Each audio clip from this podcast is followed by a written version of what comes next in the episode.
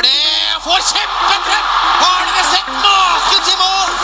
Han får et vidunderlig treff! Det må jo være 30 meter! Hvis ikke du kom, så skulle Nei, men nå står jeg og tar imot oss. Jeg skal ikke gjøre jobben din. Jeg, jeg, jeg trener HamKam, og du jobber i NRK. Ja. Ok. Men jeg har, jeg har lov, jeg sier at jeg er skuffa over det, mener jeg. Det kom Da får du være litt skuffa over deg sjøl, syns jeg. Ikke begynne å ta ut det på meg at du ikke gjør jobben din. Altså. Det driter jeg i. Jeg er skuffa over at ingen på HamKam har snakka på TV i dag. Om du er skuffa, så prater med mamma og pappa. Ikke med meg. Nå til tippekupongen. Resultatet av den første kampen ble uavgjort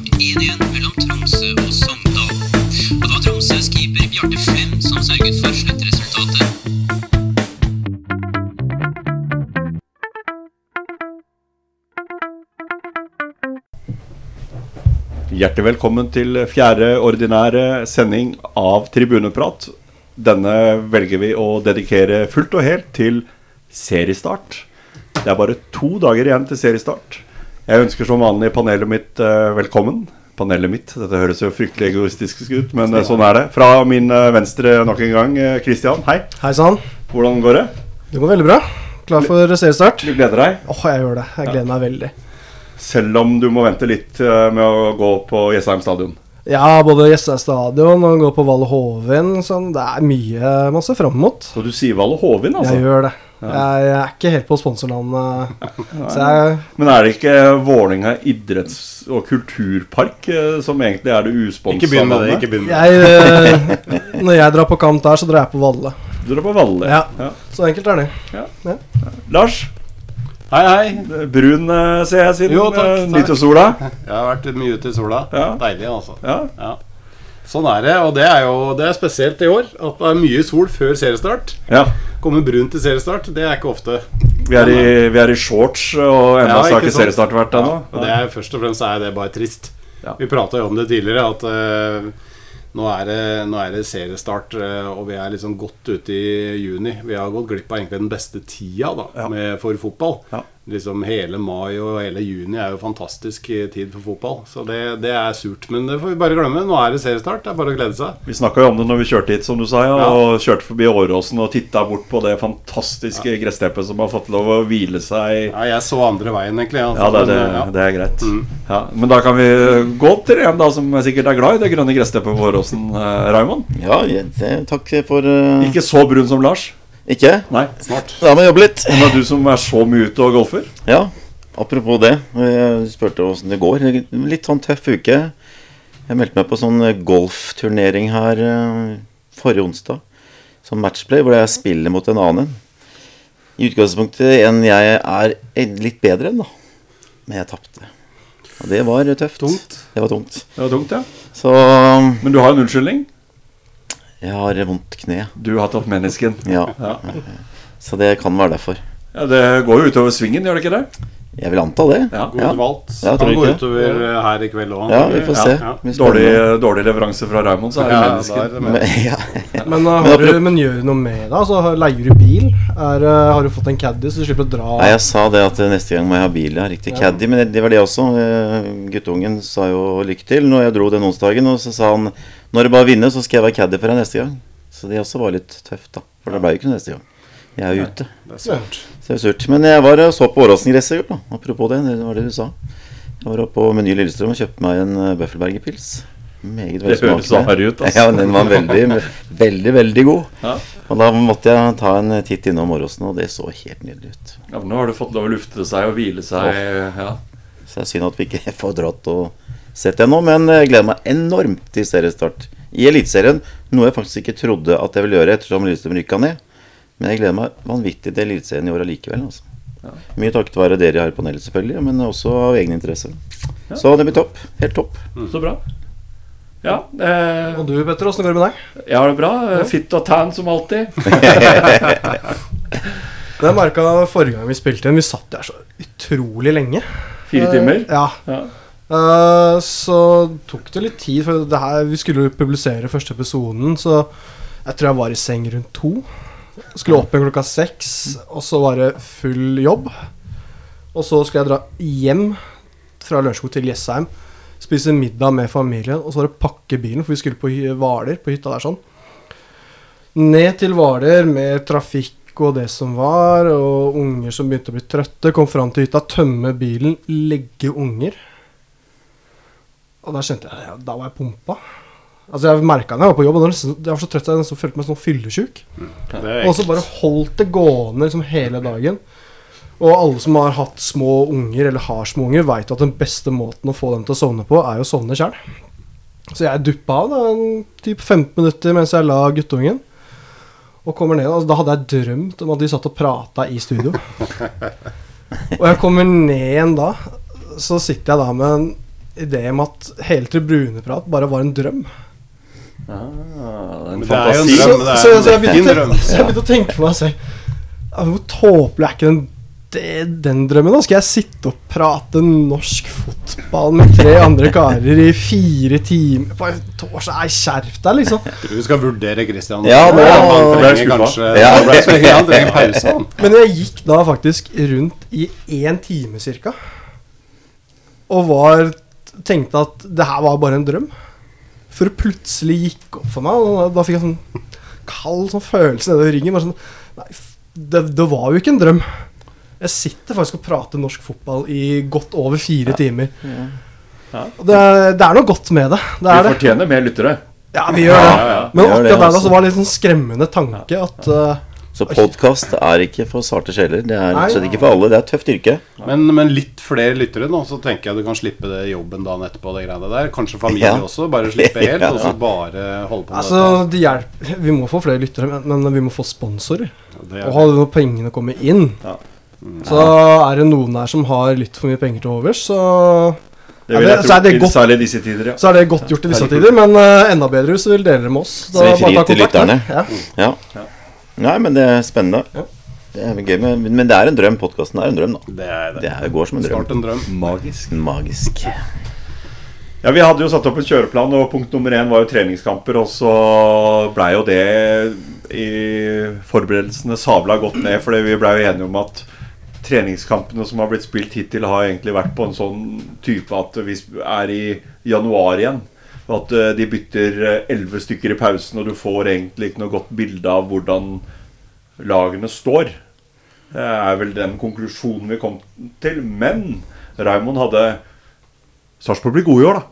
De blir gode. De, de spilte bra, det jeg har sett. Ja. Så, men de bytta ikke elleve, eller? Jeg har ikke, nå har ikke jeg sett, sett alle 90 minuttene av alle de kampene. Nei, okay. Jeg har sett De sånn. gjorde ikke mot start, vel. Nei. Men Da eh, var de gode. Ja. Men det var jo starten Men den som var best av samtlige, Unødvendig å si, Lars. var jo Anton Saltros. Svensken som er på lån fra Rostov. Mm. Han har dem kun på lån ut juli måned. Mm. Og han har vært god for dem. Og det Jeg la ut en melding på Twitter, og da fikk jeg et par tilbakemeldinger fra Sarpsborg supportere. Og de sa at det er en våt drøm å få resignert han ut sesongen, men det finnes ikke økonomi til det akkurat nå. Så det er jo et skudd i bein. For han hadde jo vært en nøkkelspiller som kunne gitt dem en flying start den første halvdelen av sesongen. Og blir det to måneder, da? Ja. Det blir jo en del matcher i to måneder, men allikevel. Men apropos treningskamper og, og, og sånt, også, så kommer det litt an på hvordan du ønsker å se på dem, hvilke øyne du ser på dem sjøl. Ja, ja, ja. De, så, men, ja, men som, som jeg sa da i stad, var det at jeg så litt på, sett litt på Sarpsborg, men jeg har ikke sett så veldig mye annet, for det er så mye som er bak sånn betalingsmurer og sånne ting, så det er vanskelig, da. Eh, da kan jo vi komme med en anbefaling til deg, eh, Ja. Christian og jeg. Hvis du abonnerer på RB, RB Pluss, så koster det 229 kroner i måneden eller Noe sånt nå. Og så hvis du legger på 20 kroner, så får du alle plussabonnementene til, eh, til eh, mediene som eh, har eh, Som tilhører A-media. Riktig. Men jeg vet. Men jeg vet ikke hvordan jeg gjør det. Å, nei. Nei, men, Så jeg skal spørre dere i dag. Okay. Men Så det som fint. er, er at du trenger bare tilgang til uh, Romerikes Blad, uh, for eksempel, da, eller én lokal, for å tilgang til direktesport.no. Ja, ja, for det lærte jeg når, eh, det ikke, når Lillestrøm-matchen kåla seg fælt, RB Blad. Da kom jeg på direkte sport, skjønte jeg. Ja, og det, der kan du se De har vist uh, nesten alt av Ja, okay. Ja. Så det ligger der sånn, men uh, Men da har vi to ting vi må gjøre etter programmet. Det er Dere må lære meg hvordan jeg bare legger til det. 20 kronene. Og så skal må vi ta en kjapp lynkurs på Fantasy med Lars. Ja. Dette, altså det blir ikke noe fantasy-podkast. Nei, nei, nei, det nei, det, det blir altså for stengte dører, og Ja. lytterne skal få lov til å slippe at vi lærer opp Lars uh, i fantasy. Jeg tror det er greit, altså. Ja. For det er en lang vei. Det er en lang, lang vei. Jeg legger merke til at du sier eh, Sarpsborg på en veldig fin måte. Ja, godt, eh, godt eh, oppdratt. Da. Det er jo mange måter å si et ganske enkelt ord på, har jeg fått med meg. Altså, du, Tom Nordli han sier jo 'sjarsborg'. Ja. De som er der nede, har jo en sånn sjars... Altså ikke, ikke så bredt som eh, Tom Nordli. Jeg sier Sarpsborg. Eh, hvordan sier du det, Christian? Nå ble jeg usikker. Sarsborg Sarpsborg? Sarpsborg, ja. Si Serp. Er det. Serp. Ja, Ja, ja. Da er det lokal. Det er jo, det er jo en nystarta klubb.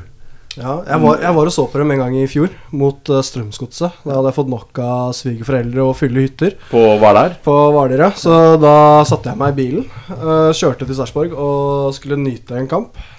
Skulle spare 50 kroner på billetten, så jeg tok på motsatt side av hovedtribunen, da, den ene langsida. Og hadde ikke sett nøye nok, så jeg havna ved TV-tårnet. Det- hadde en planke stående rett foran meg. Så jeg så ikke det ene målet. Og da hadde jeg vært sånn hyggelig, for jeg hadde satt meg feil. Så jeg hadde satt meg på den plassen til venstre for der jeg egentlig skulle sitte. Og han som eh, da egentlig hadde den plassen, som da fikk min billett, han hadde sesongkort der på tredje året, tror jeg år var. Med, med den planken? Med den planken, så jeg syntes litt synd på han, så jeg gadd ikke å bytte tilbake igjen. Og da spurte jeg du har ikke vurdert å bytte plass. Nei, det blei mye styr, mente han. da Så han hadde sittet i tre år og sett på den jævla planken. Hver gang, Planken, vet du. ja, hver gang ballen var liksom på det målet til venstre, så fikk ikke han sett noe som helst, for der er en planke. Jeg var også en gang eh, på Sarpsborg stadion i fjor. eh, Lillestrøm-Sarpsborg. Det var en eh, Ja, fotballen er grei nok, men det var, jeg hadde med meg min sønn på da 14 år, og han sa én ting når vi gikk derfra. Se rundt deg, pappa. Ser du noen som helst Sarpsborg-supportere som er under 50 år? og da, godt, godt poeng. ja. Og da blei vi stående, da. Vi, da valgte vi å bli stående og se. Og det var bare sølvrever. Altså, det var, det, var, det var ingen under 50 omtrent å se, altså, som, eh, som er å se på Sarpsborg på Sarpsborg stadion. Det er problematisk. Ja, det Altså, er, de, var de, sykt. de, har jo, de har jo godt besøkt eh, besøk på kampene sine. Det, det er jo sjelden halvfulle eller glisne tribuner, så, men allikevel at det, Hva skjer når dem Ja. forsvinner? Er det, kommer en ny generasjon inn der? De har jo, de har jo Det er jo er- Hockeytown. Ja, ikke sant? Det er jo interesse Samme for som sporten. i. Hamar, dette her. Men de har klart å skape et engasjement rundt, ja, de. rundt fotballklubben sin. Og de har jo absolutt. litt, Det litt er jo flaks i en det, da. eh, tradisjonsrik fotballby. Ja, men, men altså, det har hatt veldig flaks, da, for den oppturen dem er inne i nå, har kommet samtidig som både Moss og Fredrikstad, som har vært de store i ganske lang tid, da, uh, har hatt en dual som Lang duale, dvale. Svein, da. Og så hadde de en herlig Europaliga-runde Ja. som gjorde at eh, det blei ble mye moro der. da ja. Det er kult, da. Det var jo bare moro. Ja, absolutt. Ja. Nei, men da har vi fått uh, snakka litt om uh, Sarpsborg òg. Sarpsborg. Sarpsborg, som uh, Raymond sier. Ja. Ja. Det Jeg snakka jo også om dette her med Lars på veien hit. At eh, det er noe som Jeg er jo en konservativ fotballsupporter og er vant til å forholde meg til enkle kjøreregler. Og overgangsvindu er en enkel, eh, en enkel regel å forholde seg til. Men nå eh, Altså, jeg vet jo ikke når overgangsvinduet stenger. Det er, altså det er åpent, men jeg vet ikke hvor lenge. Og, og det gjør jo også at eh, overganger skjer på et tidspunkt hvor jeg ikke er vant med å følge med på overganger. Så her må jo panelet trå til. Eh, siden vi sist, sist satt der, så har jo Hvis vi går til førstedivisjon eller Obos, så har jo bl.a. Markus Pedersen, eh, som vi har snakket om, blitt eh, klar for HamKam. Eh, hvilke andre overganger eh, har vi hatt av eh, litt sånn større karakter i norsk fotball eh, i løpet av de to siste ukene? Det første som popper ut i mitt hode, er jo Sigurd Haugen eh, fra belgisk andredivisjon til eh, Ålesund. Ja. Eh, Kosta ganske mye. Det jeg leste på Aftenposten, så ble det rapportert mellom 2 og 2,5 million kroner. Og det som gjør det spesielt, er det er en veldig god spiss. Eh, han var veldig god før han dro for et år siden. Uh, spilte i Sogndal da. Og har slitt litt i Belgia. og Ikke fått liksom helt flyt i det. Vært litt inn og ut av laget. Men det som er litt spesielt her, er jo måten han har blitt signert på. For det har jo vært en del klubber som har fått litt kritikk for eh, at man har signert spillere etter å ha permittert spillere. Det har jo ikke vært de store summene her, sånn, men her spiller man til med en overgang til flere millioner. eh, Og alt dette er betalt av investorer, og da kan man spørre seg hvor var disse investorene når man måtte ta ut permitteringer, for man ikke hadde råd til lønn til sine spillere og ansatte. Og da plutselig så er man på godsida og skal pøse ut penger. og det Ja, For det er jo en regel nå at uh, investorene kan jo ikke ei, ha eierandel i spillere lenger heller. så du har til å tjene på det, så det er en ren rein gave. Så det, hvorfor kunne ikke den gaven komme litt tidligere? tenker jeg da det, Av overganger som har kommet, så er den jeg syns det lukter mest av. Uh, ellers så er jo Vegard Forhen og Alia Hamada sine overganger til Brann Det har vært det store Ja. Uh, Vegard Forhen definitivt den aller største overgangen sånn Ja. mediemessig og alt. Men det var litt Absolutt. deilig å se på, da, for det, man kan takke litt at det har vært en stopp i Premier League. Men Uh, plutselig så var det masse journalister på Flesland. Uh, det ble meldt om at Vegard Forhen plutselig satt på et fly. Ja. Ja, ja. Det var som å følge liksom deadline day eh, i England. Og det kommer jo for at det, ikke noe, det skjer jo ikke noe der, så da må jo norske medier for å ha noe å skrive om. Og det er en stor overgang i norsk sammenheng. ja, ja, ja. Uh, så det var kult at den endelig blussa litt rundt det. Jeg bare håpa på at det møtte opp et par hundretalls personer som hadde stått og blussa i tillegg. Ja. Det hadde gjort det overgangen enda kulere. Smittevern, Christian. Smittevern. Drit nå i smittevern, da!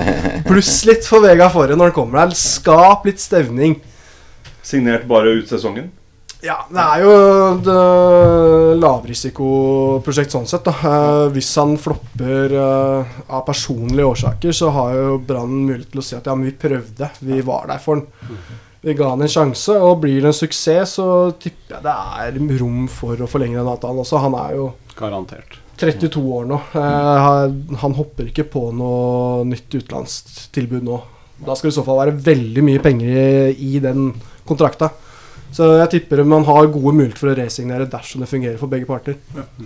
Men at han kommer på en sånn eh, reklame for gamblingbyrå sånn seinere i livet, det vil jeg tro.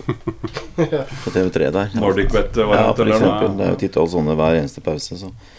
Har du jo han Ibrahim Shuaibi, da, som gikk fra Haugesund til Mm. Mjøndalen. Da, som vi egentlig spådde kanskje ville gå tilbake til Kongsvinger, da, Ja. der han har gjort suksess.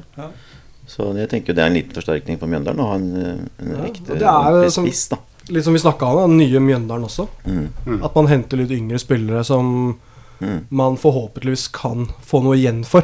For det har man vært veldig dårlig på tidligere, at man har henta spillere helt på tampen av karrieren, eller spillere med lite eh, videresalgspotensial. Men nå, nå satser man på en litt yngre bølge, og det ja, det blir spennende å se om det funker med den treneren man har, Ja. og den nye filosofien. Det, vi var litt skeptiske til det. Det blir spennende. Så har jo Bodø fått uh, ny keeper. Joshua Smiths fra Nederland. Ja, Kom på anbefaling mm. av uh, tidligere keeper uh, Bjørnason, var det? Nei. Og der står jeg fast. Ja, altså, Han som spilte for uh, Island Ja, du eh, i mener. eh, EM 2016, Mm. som har også vært i Bodø tidligere. De hadde jo prøvd seg på han. Uh, man hadde tatt kontakt med han. Hal Haldorsson Nei, jeg er helt Jo, sikker. det Haldarsson. Ja, der, ja. mm. Filmskaperen. Hvis du har sett alle dokumentarene om det islandske fotballandslaget, så er det han som har lagd dem. Ja. Han er veldig interessert i film, så han er sånn hobbyfilmskaper. Så det er, NRK har jo drevet vist noen av disse dokumentarene i forkant av både VM og. EM, og da er det, det er han som har lagd disse her, da. Um, men eh, man tok jo kontakt med han, og man var egentlig interessert i å få han til å komme. Uh, men uh, han var ikke gira på det. Han var etablert med familie og har en lang kontrakt med et lag som kjemper om å bli seriemester på Island. Ja. Men han kunne da anbefale Ja. den nye nederlenderen til Bodø-Glimt. Så Og Bodø signerte en unggutt fra Grorud. Ja.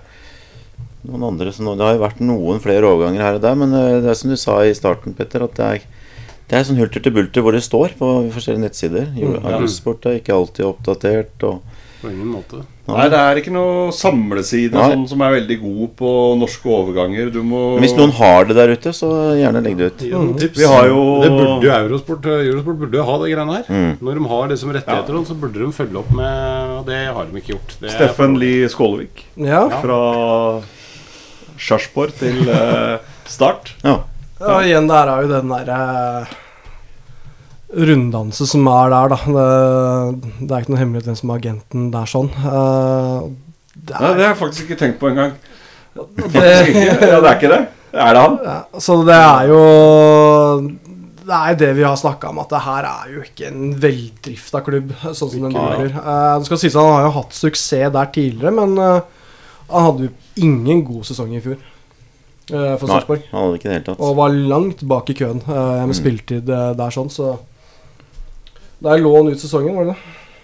Det er Ja. et lån ut sesongen, eh, mener jeg det sto på Start sine hjemmesider her. Så det Ja. Sk- Skårevik, som han blir kalt. Skårevik, ja. Ja. Mm. ja. Men det er jo noen, eh, det vært noen, skader, da. Litt sånn langtidsskader. eh, Det er, vi må, det er en overgang til vi må ta med, Raymond. Helt sikkert. Ja, eh, Lillestrøm Sportsklubb har fått en ny spiller. Fra Haugesund. Fra Haugesund, ja. Kalle Våg. Kallevåg, ja. Ja. Eh, Han fulgte Tommy Tass på Fulgte Tommy Tass på Twitter, Ja. og det var eh, argument godt ja. nok for å komme til Lillestrøm. Da får vi håpe flere store spillere begynner å følge Tommy Tass. Da veit vi hvor det mener. Ja. Hva skal vi si om den overgangen?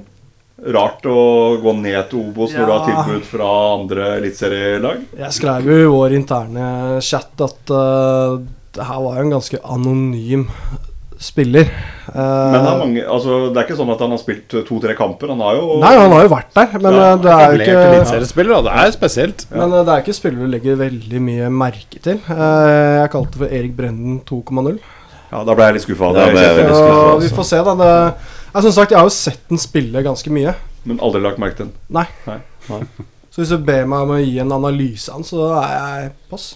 Da er det sikkert en hardt arbeidende grovarbeider, da. Er det Altså, jeg spiller som eh, Han kan bekle mange posisjoner, på særlig midtbanen. da Uh, Anvendelig Men det gjelder vel det samme der som med dommere, er det ikke det? Hvis du, dommerne, hvis de er anonyme, så har de gjort en god kamp. Ja. Ja, men hvis, hvis du, du, Er ikke det du, sånn? du, du, du, du som er spiss, ja. Hallo. Nei, men Man kan vri, vri og vende på det. Altså, du har Noen lag har noen sånne litt kjedelige spillere. Ja, Så noen ganger så kan det faktisk fungere, men det avhenger jo av at resten av det er et fyrverkeri. Ja. Jo, det er, det er jo ofte sånn at de tror jeg, jeg tipper han blir en fin signering for Lillestrøm i Obos. Jeg jeg tror han kommer til å være en viktig bidragsyter for at den går opp. Mm. Men det spørs jo når han kommer opp i Eliteserien igjen. Hvis han kommer opp i Eliteserien. Han har bare signert ut året. Ja. Ja. Men uh, virker som en likende kar, og gjør han det greit, så får han sikkert en ny kontrakt. Men det er sikkert flere som skal inn hvis man forsterker laget før en Og da er det ikke sikkert at han vil være like viktig. Men igjen, en anvendelig spiller som kan være litt inn og ut av laget, som er tilfreds med det. For det er den rollen han har hatt i Haugesund også. Eh, og da, Det er jo gull verdt å ha sånn også. Så er det det som er gøy med fotball, at noen spillere funker kun på ett lag, og så er det andre som blomstrer i andre lag, og det der Er er du tilbake til han som blir lånt ut til Kongsvinger og funker hver gang? For eksempel, ikke sant? Det er et godt eksempel. Men det er jo også, selv om han er egentlig en sånn litt lavprofil eliteseriespiller, så er det allikevel en litt sånn høyprofil signering av LSK. Og så hente en sånn type spiller fra Eliteserien, som har hatt andre tilbud, visstnok, fra Eliteserien. Og det er kanskje litt viktig i seg sjøl, da. Ja. At man, eh, Nå har ikke LSK tapt så mye spillere, eh, men noen er selvfølgelig borte. Men så går inn og henter en sånn spiller, det kan være ganske viktig. Sånn signaleffekt. selve spilleren, ja. Ja. Så det tror jeg er lurt. Men Lillestrøm har mista mange spillere. Jo da, de har uh, mista noen, men de har liksom beholdt noen av de viktige også. Ja, Ja, det så det, det har stått det er mye, mye i elveren. Ja. Mister Matthew nå også. Det, det er jo han eh, Her er jo en eh, erstatter for Matthew. Når vi først er litt inn på Obos, da, så har jeg jo fått eh, Vi pratet om dette forrige, jeg har jo fått noen mail da fra noen klubber igjen. da Ja, du så har jo sendt ut eh, Yes. e-post til eh, samtlige klubber Samtlige. i førstedivisjon. Ja, Ja. Nå fikk jeg ganske så raskt etter podkasten forrige gang svar fra, fra Raufoss. Ja. Fra Anne? Anne Thoresen. Ja, ja. Hvor hun da skriver litt eh, egentlig det vi prata om. At eh, disse nyankomne spillerne fra Viking og Rochester Sørensen og unggutt fra Molde, at de vi- måtte vi se opp for i år. Det var tre gode spillere. Også at vi skulle legge litt ekstra merke til eh, høyrebacken, backbacken. Backen, ja. Snorre Strand Nilsen. Som vi nevnte. Mm, han skårte åtte mål fra sin backposisjon. Back, back, back, hva er det jeg sier for noe? Jeg har så lenge siden jeg har sett fotball nå, så jeg vet ikke om det er back eller midtstopper. altså. Ja, ja, greit. Ja. Men jeg vil gjerne at de som har får fram at Raufoss eh, At de, der, der, de, der lever de av ildsjeler. Og at det er en, en eh, ildsjel der som har vært med på det her i Raufoss i over 60 år. Og han fyller 80 år neste år, da, vet du, og det er Finn Engen. Så han syns jeg vi skal uh, Liten eh, shout-out det til er han, ja. Finn Engen der, altså. Ja. Og så er treneapparatet og det prøver dem på liksom De er en rød tråd nå. At de prøver å fylle opp med, med lokale fra gamle Raufoss-spillere og sånne ting. Uh, og så er de veldig stolt av uh, historien sin, da. Fra at tropp, liten by Raufoss har at de klarer å være med i toppen av norsk fotball. Det er helt fra 1950-tallet, da. Stolt av uh, Svein Grøndalen med 77 A-landskamper og Bente Nordby med 172 A-landskamper. Så hvis jeg ville vite mer, så måtte jeg bare gjerne sende mail til treneren der. Så det var litt moro. Så jeg har ikke gjort Åpen det ennå, men uh, Men du har jo fått svar fra en trener òg? jeg har fått svar fra en trener, så det var veldig fint. Så jeg sendte jo til KFM òg, vet du. Og der sendte jeg til Jørgen Isnes, for jeg var litt sånn vanskelig å finne mailadresser, syns jeg. Eller til hvem jeg skulle velge. Og tenkte jeg Du sa, satt jo her og sa at Jørgen Isnes var verdens snilleste person. Det er. Og da fikk jeg ganske kjapt svar der og tenkte at han har jo, har jo ver- verdens hyggeligste person, for han har sendt meg en eventyrlig lang mail. Og med veldig mye Ja, noen av disse spillere har vi nevnt også, som vi skal se opp for, men spesielt én som jeg ikke husker helt om vi Nei, han tror jeg ikke nevnte. Nei, jeg tror ikke jeg skjønner du. Bekken? vi- Ja, Bekken, ja. Det Hva heter han? måtte vi, vi eh, se opp for. Hva heter han? Uh, skal vi se, nå datt jeg ut av mailen her, vet du. Navnet hans? Ja, navnet til? Jeg skal få navnet hans. Jeg skal få navnet hans. Jeg bare se nå Det var en venstreblikk fra Fram, var det ikke det? Yes, Fredrik Christensen Dahl må vi se opp for. Han Fra Fram Larvik? så han ser de på som et eh, Allerede nå ser de på som et potensielt salgsobjekt. Så han må vi se opp for. Han Må vi, han må vi følge litt nøye med, gutter. Men tenk om Jørgen kunne svart på dette her før vi gjorde vår Ja. ja. Obo-spesial. Så kunne vi dratt fram denne kunnskapen allerede da. Ja. Som Lillesund-supporter så har vi jo erfaring med høyrebekker fra Fram Larvik. Det må jeg jo si. Håkenstad. Ja. Ja. Eh, men ikke minst eh, Gunnar Halle. Men eh, du, Håkenstad er jo i Finland nå. Spiller for Arne Erlandsen. Ja, Så du Gary Martin, uh, Instagram-kommentaren hans? ja. Ja. ja. Fantastisk. You signed for Arne Erlandsen, you Ja. crazy Ja. bastard. Skjønte ikke det, nei. nei Det var eh, Han så ikke Han hadde ikke gjort det samme. Det som var litt gøy fra, fra Isnes, var at han skrev at allerede for fem år siden, i 2015, så var Koffa en ganske sånn useriøs klubb, da. Eh, men allikevel med såpass mange talenter, og de har klart å ligge der oppe, da. Så han sa det at i 2015 så var det var, var nesten eh, var ikke, Jeg var ikke i nærheten min. Jeg var fulltallig på trening når det var fem minutter igjen. Og så kom det noen syklende med pose og med bare skoa sine og begynte å, å trene og var liksom litt useriøs, da. Men det er Bredde- veldig bredde. Men allikevel så beit de godt fra seg. Da. Men de rykka jo ned et år der, men så har, har de gjort litt forandringer nå. og Er på vei opp, så ambisjonene var å gjøre det like godt som i fjor, da. Og det er jo veldig bra. Det er en bra sesong, det da. Så, men det var veldig hyggelig å få noe svar der. Så vi sitter jo fortsatt og refresher gmailen min ofte og ser om jeg har fått noen nye, men det Det, var, det er det. faktisk akkurat det, det der i dag med en, eh, med en spesiell person. Men at uh, hvorfor er de ikke litt mer på? Det er veldig bra, de som er på. At, eh, Men eh, hun klager på at det er lite føss rundt uh, Obos-ligaen og Eliteserien for den saks skyld. Det kommer det, og skal ikke vi overdrive egen rolle her. Nei. Det er ikke så mange lyttere.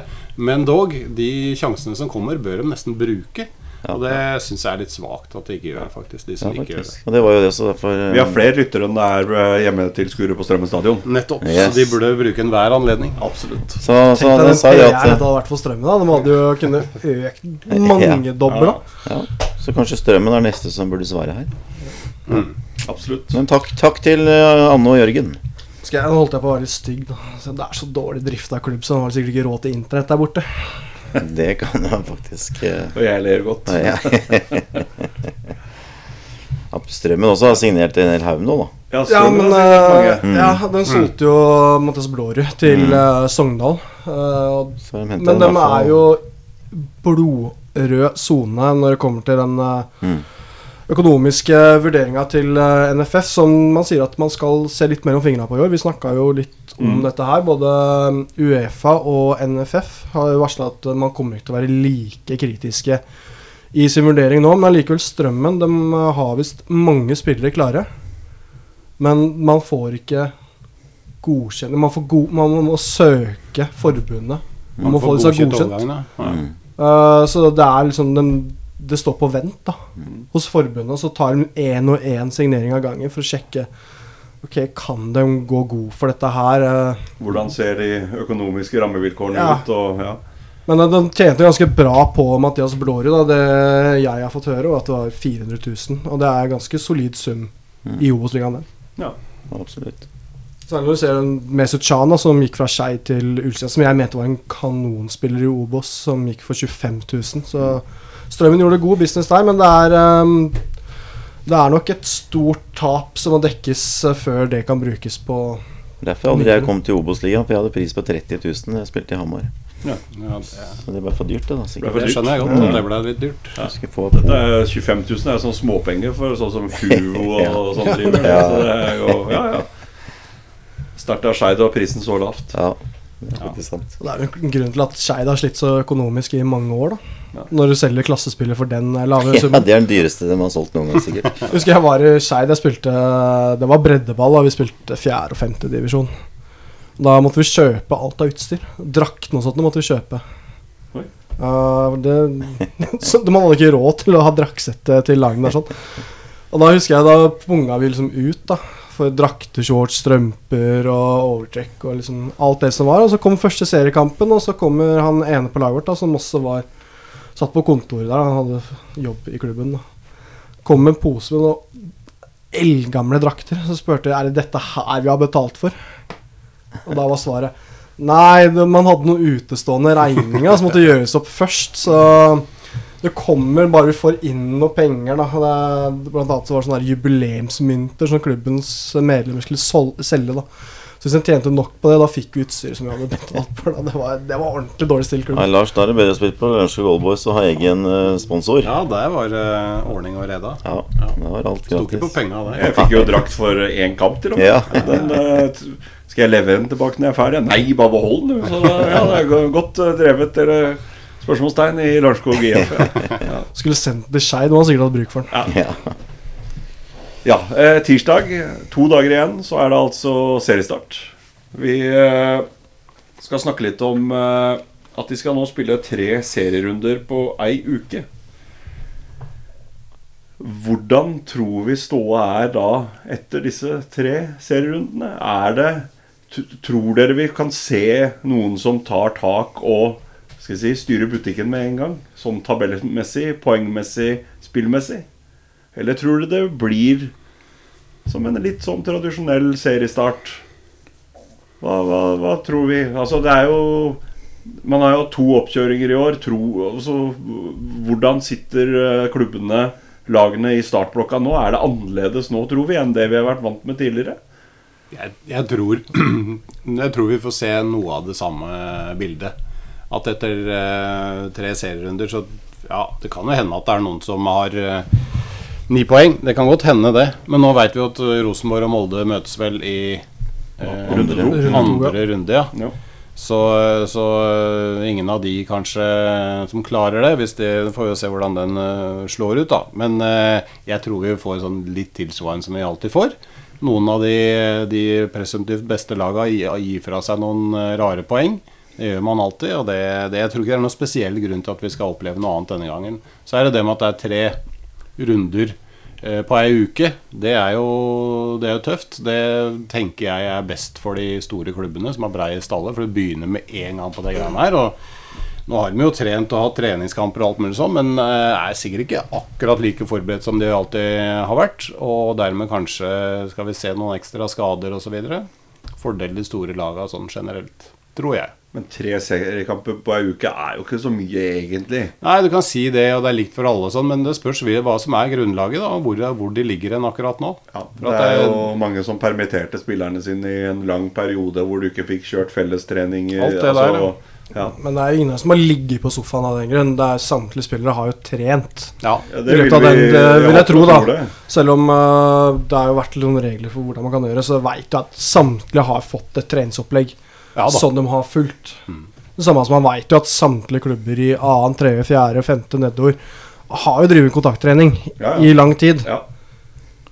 det her gjør man jo bare fordi Skal man være den ene klubben som permitterer spilleren? Så nei, nå kan dere bare sitte på sofaen og se på Netflix og Neida, men samme hvordan du trener når du ikke er på trening, så er det litt vanskelig å forberede seg på det som møter deg når det er match og alt er i gang. Det er liksom han eh, Hangeland, jeg hørte han sa en gang at eh, når du skal i gang i Premier League, du kan forberede deg så lenge du vil, og du kan tenke på alt mulig, men når han svære spissen bare suser inn i deg i første taklinga, da er du ikke forberedt allikevel. Du hadde ikke kjangs til å forberede deg, for det er noe helt annet. Og sånn er det også i Eliteserien. Den er tøff, den fysisk. og...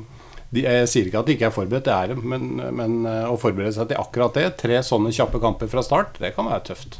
Altså, De har jo ikke den store kamptreninga i beina eller i kroppen. Altså, det kan jo være at mange vil merke det etter første andre kampen. At uh, da er jo de store klubbene med de brede stallene som vil trene på dette. her Og så er det store spørsmålet da, hvordan klubbene Skadesituasjonen, da, som du nevnte. Hvordan takler man det? Eh, Kommer det mye skade fordi at kroppen ikke er vant til den type bevegelse som er under kamper? Det tempoet som kommer til å være, den intensiteten. For de, de har jo spilt treningskamper. Noen har to, noen tre, noen har bare spilt én. Men det har også vært veldig varierende. Det har, vært, det har jo vært januarkamper. Ja. Og da Det er ikke sånn at uh, alle de som skal starte nå på tirsdag, har fått tre 90 minutter i beina. De har ikke det. Maks to 90 minutter på Jeg tror ingen som har mer enn det, hvis du ser det etter korona. Ingen som har mer enn det. Og det er ganske lite når du skal rett inn i det programmet her. Treningskamper er treningskamper. Det er ikke den samme intensiteten som det er eh, ved en seriekamp. Men kan jo også spørre seg hvordan vil det påvirke uh, tempoet med at man skal spille med mm, 200 tilskuere på arenaen kontra fulle hus? Og Blir det litt sånn der, blir det litt den der er for dem? samtidig, i forhold til det du sier med tempo, så er det jo til tirsdag så er det jo meldt 8-29 grader, i hvert fall her på Østlandet. Ja. Det også. Og så skal vi sitte som jeg har sagt, og sitte og se på TV. Som jeg syns det er helt grusomt å se fotball uten tilskuere. Og så skal jeg se nå i tillegg at ikke er det tilskuere. Og så hvis tempoet i tillegg blir dratt Mm. ned, så Ja, det kan, eh, det kan bli spennende det her, altså. En utfordring. Men jeg tror likevel mange av- av spillerne er Overtent. Ja, overtent, men også er veldig godt trent fra før. da Ja, ja. Altså som er veldig godt trent. Kanskje bedre enn før. Men det er det der med kampsituasjoner og alt det der. Det, det kommer nok til den første måneden. Hvem får liksom flest skader ut av det, tror jeg, jeg tror kan bli ganske avgjørende. Angående det spørsmålet, da, hvem som ligger an hvordan på tabellen og sånne ting. da Nei, men jeg tror ikke du får uh, ett lag som har ni poeng, og så er det neste på fire, liksom. Nei. Jeg tror det er flere av de klubbene med små tropper La oss si f.eks. Stabæk, da. Som kan få en flying start. Ja. Men hva vil det koste dem, den flying starten, utover sesongen? Mm. Hva vil den slitasjen som påføres en liten tropp, ha å si videre utover? Mm. Det blir spennende å se. For det er, det er så veldig usikkert. For at det her er jo ikke noe vi er vant til. Vi er ikke vant til å starte sesongen midt i juni. Vi er ikke vant til å liksom gå rett på i den varmen som kommer til å være nå. Med så lite matchtrening i kroppen. Så det er derfor det er så vanskelig å skulle spå noe utfall. Da, for at du aner rett og slett ikke hvordan man går inn til. For det, hadde det vært i april, så hadde vi sett det før. Ja. Det hadde vært mye enklere å forutse hva som ville skje.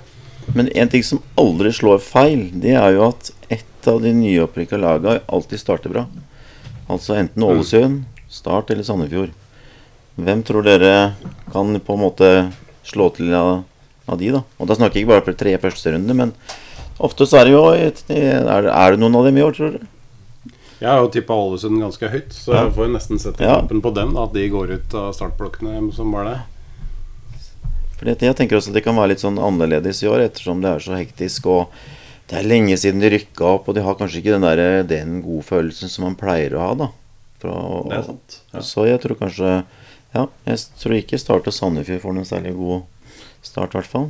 Men tror dere vi kommer til å se en større rullering at et eh, større bruk av troppene i eh, klubben enn det vi har vært vant med? Når vi nå da smeller i gang med så mye kamper eh, på kort tid, og varmen er høy.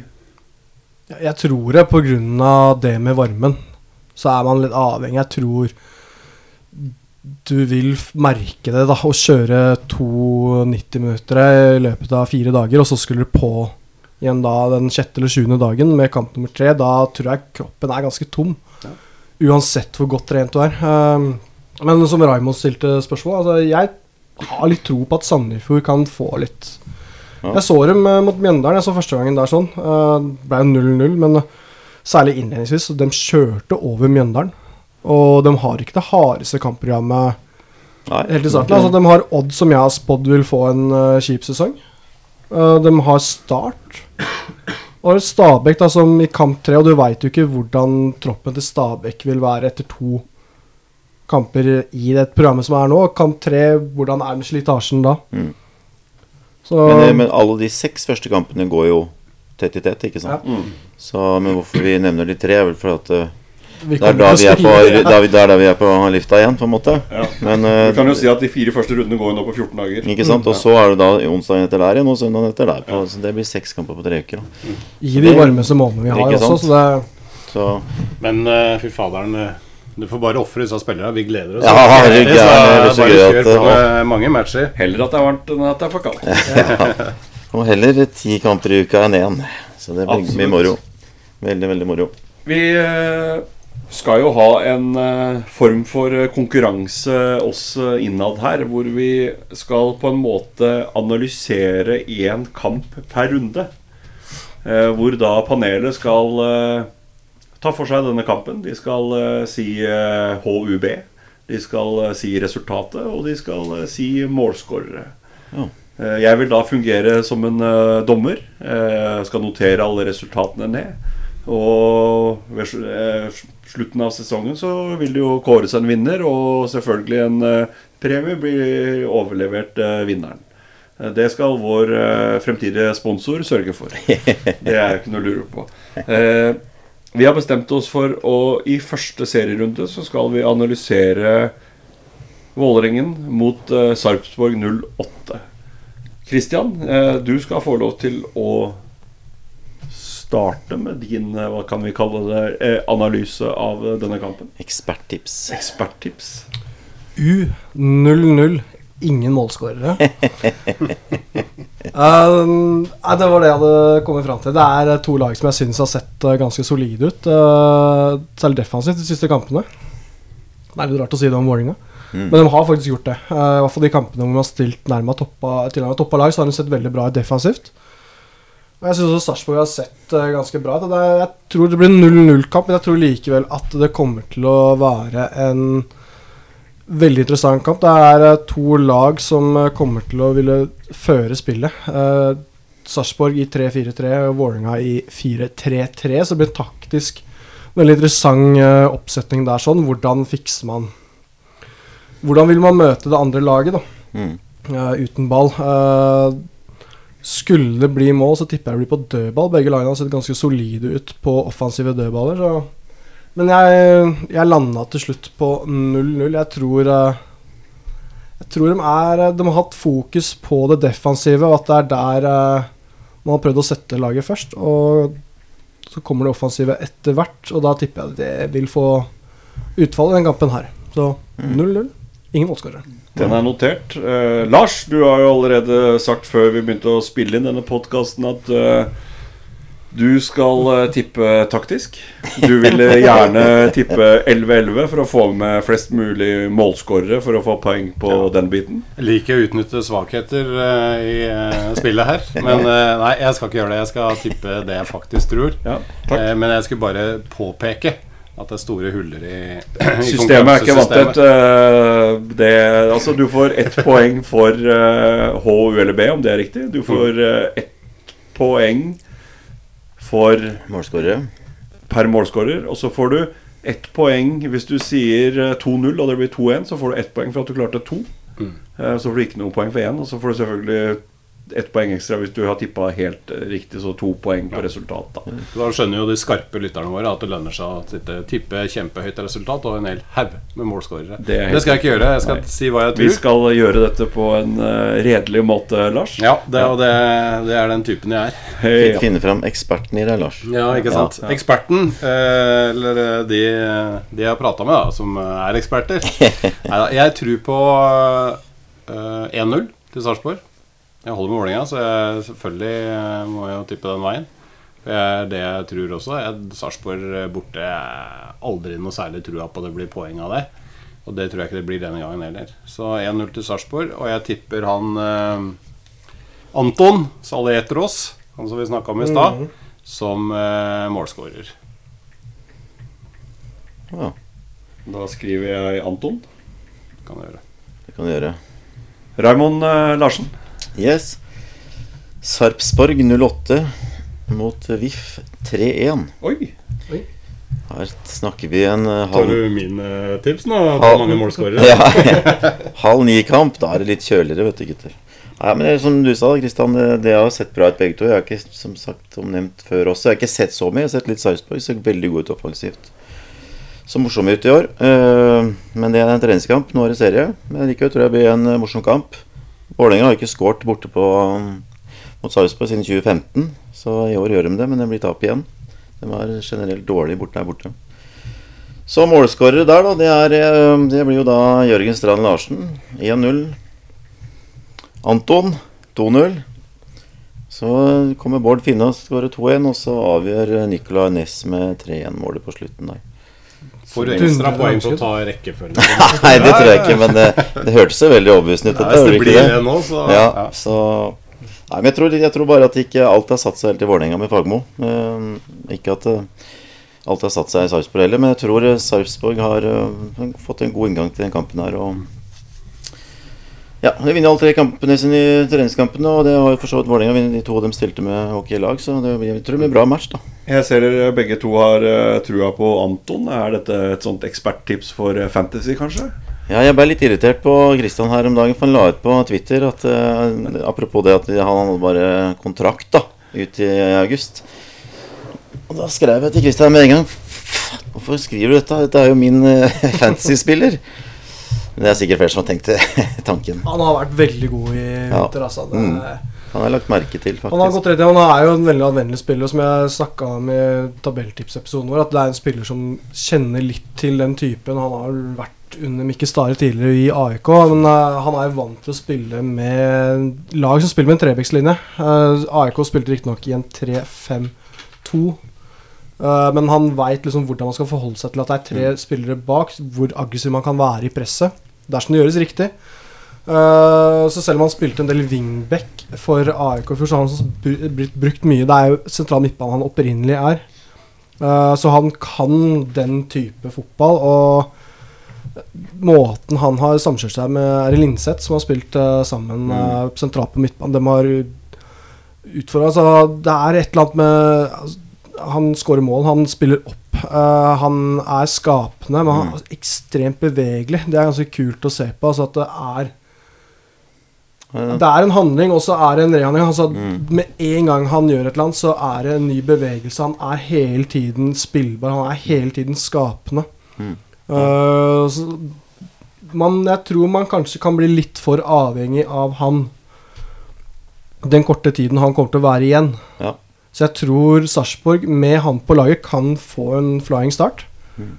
Men det kan også få en real nedtur når han eventuelt drar tilbake til eh, Russland og Rostov. Mm. For det er så viktig som han har blitt, og så sentral han er, særlig i det offensive. Altså må, alt altså Han styrer spillet på alle mulige måter når de er fremover.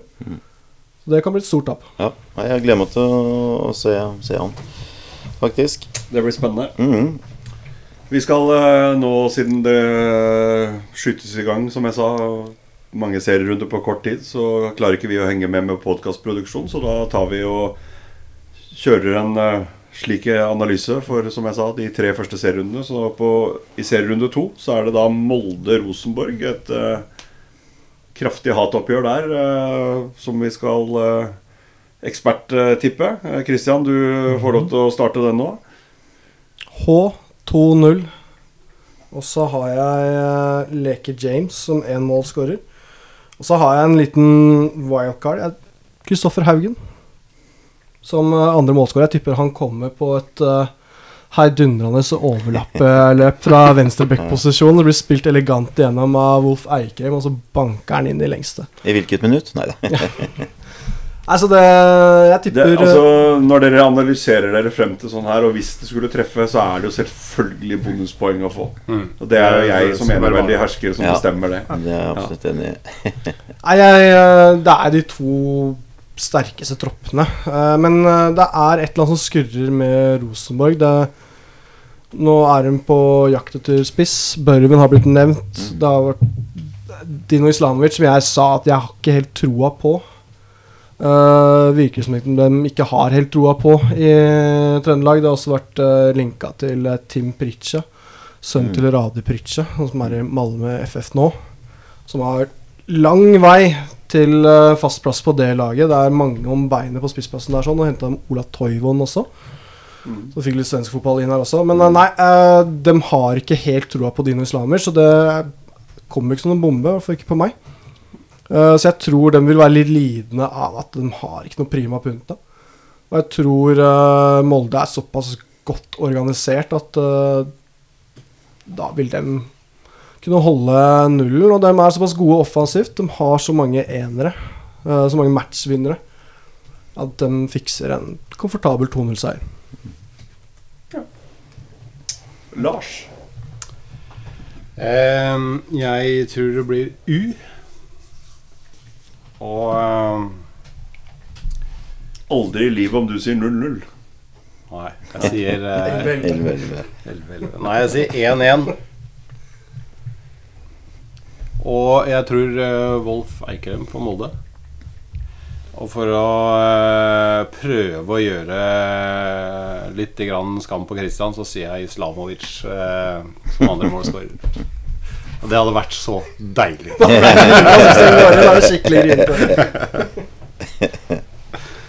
Ja, det, det kunne vært litt gøy i forhold til eh, vår første episode, ja. Ja, det, det hadde vært litt moro. Raymond? Eh, Jeg eh, går for 2-0, jeg også, da. Ja, altså en H. Ja, en H. 2-0 Molde. Molde er for sterke for Rosenborg. Ja. Det er jeg sikker på. Og... Men jeg har litt andre målskårere. Jeg har én målskårer. Det er Eirik Hestad. Skårer begge i den kampen der. Så det er eh, men Ja, jeg tror Molde, som du sier, de er per dags dato litt for sterke for Rosenborg. Og Rosenborg Ja, nå har jeg ikke fått sett de i det hele tatt, men eh, det virker ikke som det er fyrverkeri foran der. En litt sånn svak forestilling 1-0 mot Ranheim var vel siste. Mm. Så de mangler fortsatt litt, men eh, de kommer nok utover året. Men eh, den matchen der kom litt tidlig for dem, tror jeg. Så her blir Molde-seier. Det er, vi, det er ingen som har trua på Rosenborg, i hvert fall. I denne kampen. Nei. Nei. Eh, I serierunde nummer tre så skal vi analysere Ålesund hjemme mot Brann. Christian? U 1-1 Sigurd Haugen og Bamba har jeg der sånn. Og Niklas Castro tipper jeg kommer til å spille for han Sigurd Haugen. eh, som eh, endelig har blitt varm i trøya i Ålesund. Eh, jeg har ikke så veldig mye annet. Det er eh, to kamper som skal spilles før den her, så det er litt sånn sjansespill å sitte og analysere et kamputfall. Men eh, Bamba skada etter første serierunde, så ja, ja, nei, sånn er det. Jeg har ikke Brann, jeg veit det er et eller annet Jeg har ikke helt den store trua på dem. Det, det andre i sofaen her sånn hadde jo klokketro på. Nei, men det sa jo de i sofaen, da. Sofaen. Ja, sant det. Ja. Alle ser at det vi som sitter i sofaen. Ja, Ja, selvfølgelig. Ja.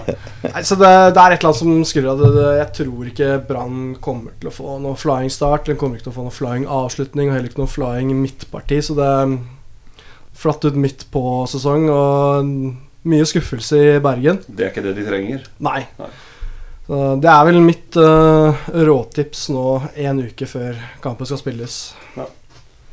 Lars?